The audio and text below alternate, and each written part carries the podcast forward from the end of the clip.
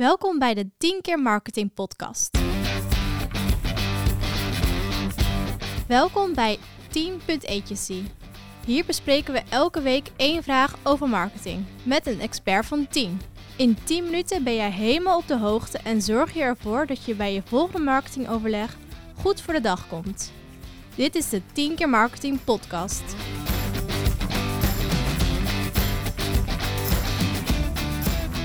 Vandaag hebben we Etienne Verhoef te gast. En we gaan de vraag, hoe lang is een goede marketingvideo ehm bespreken? Is daar een antwoord op? Ja, nou, dat is wel lastig inderdaad. Ja. Ik, je kan niet zeggen dat er één heilige graal is. Dat, ik merk wel dat mensen daar vaak naar op zoek zijn of denken die heilige graal te vinden. Maar er is geen heilige graal in. Nee, die gelijk wegnemen dan? Allemaal uitzetten. Hup, allemaal andere podcasts luisteren. er is dus geen antwoord op. Nee, omdat je ehm, video's op diverse platforms neerzet. Dus je zet een video neer op je eigen website. Je zet een video neer op YouTube. Je zet een video neer op Instagram, op Reels, op TikTok. De vraag is dus vooral, wat is de, het medium waar je hem op gaat neerzetten? Wie is je doelgroep? En wat wil je vertellen? Dus het doel, dat moet je voor ogen houden. Ja, doel, doelgroep en platform. Ja. En als we het hebben over marketingvideo, we willen een bedrijf promoten. Wat is dan, bijvoorbeeld voor Instagram zie je dan, wat, wat zie je? Wat, wat is belangrijk? Eh, je ziet twee dingen. Als mensen hem op Reels willen neerzetten, eh, dan moet hij onder een minuut zijn. Dus dan moet hij maximaal een minuut zijn. Reels Mhm. heeft enorm veel bereik, omdat mensen toch aan het scrollen zijn. Eh, dus dat kan heel interessant zijn. Daar kan je een enorme doelgroep mee bereiken. De vraag is ook wel weer, vanuit marketing-oogpunt, hoeveel mensen klikken er dan door naar je website? Ja, Dus wat, daar vraag ik ook, wat wil je bereiken? Wil je zorgen dat mensen, dat die video voor branding dient, zodat mensen het merk leren kennen? Dus zie ik een filmpje voorbij komen, 80.000 keer met de merknaam voorbij, en dat, ik, dat dat blijft hangen. Mhm.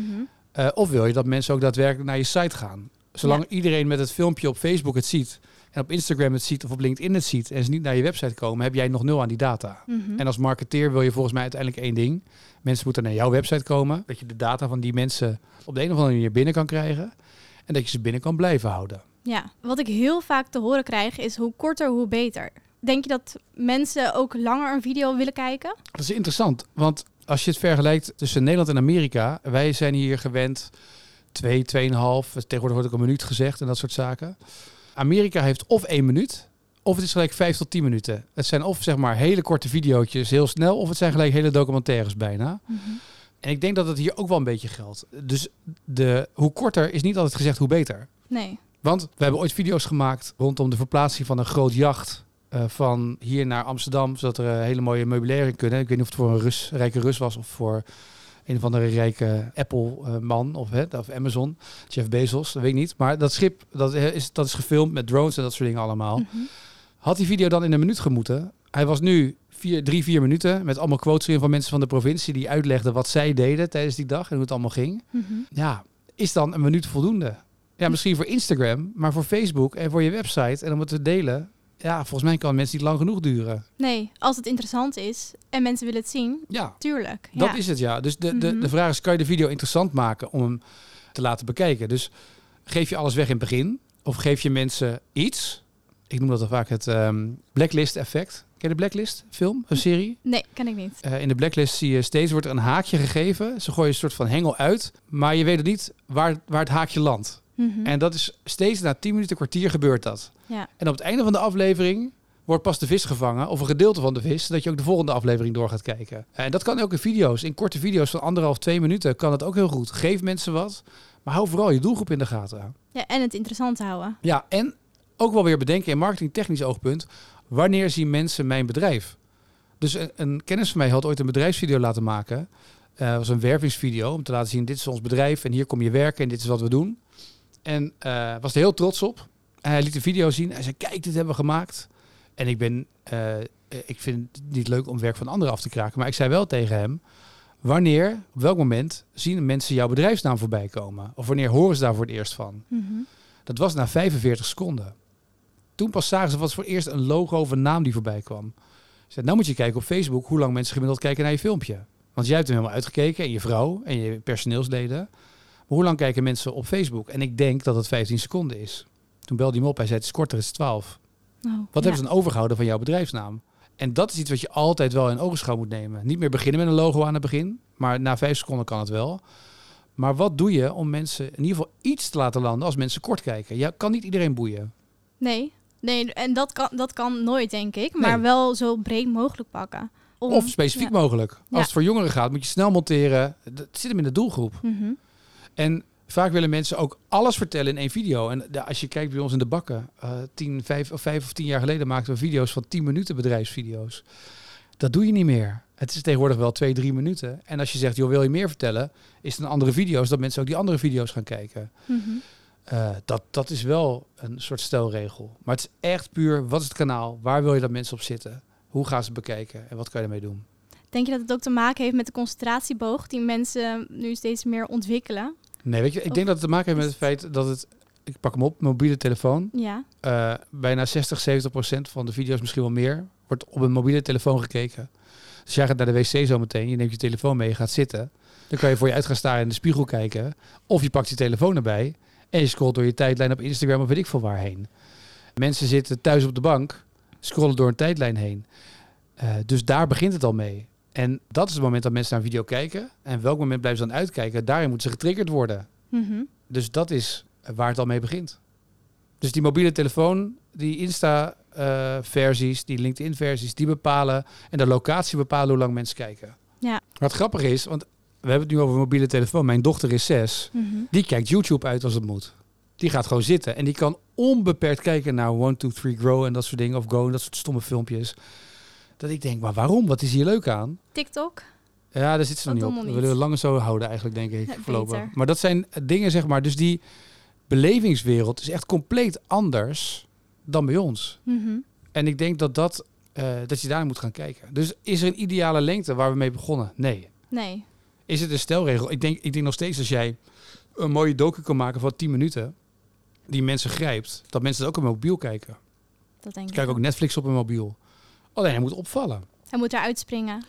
Ja, en wat Ja. mensen dan proberen vaak is een, eh, zoals ze mooi zeggen, een snippet neerzetten op eh, social media. En dan zeggen ze, zetten we een teaser van de film neer en bekijk de hele video hier.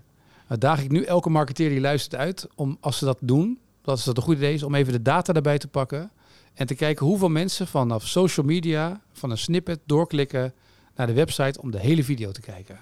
Als dat 1% is, dan mag je heel blij zijn. Ja, zijn jij in ervaringen Ja. dat mensen dat... eh, Mijn ervaringen zeg maar bij eh, alle grote platforms, of het nou AD of VI is, is dat een snippet eigenlijk ervoor zorgt dat mensen denken, oh ik heb het al gezien, het belangrijkste. Dus dan heb je die snippet gemaakt, maar waarvoor? mhm. Want uiteindelijk blijkt dat dat, ja, Dat ze dat gewoon niet kijken. nee. Nee. Ze hebben ze oké, het belangrijkste de video gezien, prima, dan hoef ik niet meer te kijken. Ja, snap ik. Ja. Jouw persoonlijke voorkeur. Wat, wat vind jij een goede marketingvideo? Eh, Storytelling, dus een verhaal, vind ik heel belangrijk. Mhm. Eh, dus ik ben ervan overtuigd dat iedereen, iedere cameraman, iedere editor kan een filmpje maken van een minuut met mooie beelden achter elkaar. Dat kan iedereen. Mhm. En de een kan het beter dan de ander. Eh, maar vertel je in die ene minuut, als het alleen maar beelden zijn zonder inhoud, vertel je een verhaal. Wat vertel je?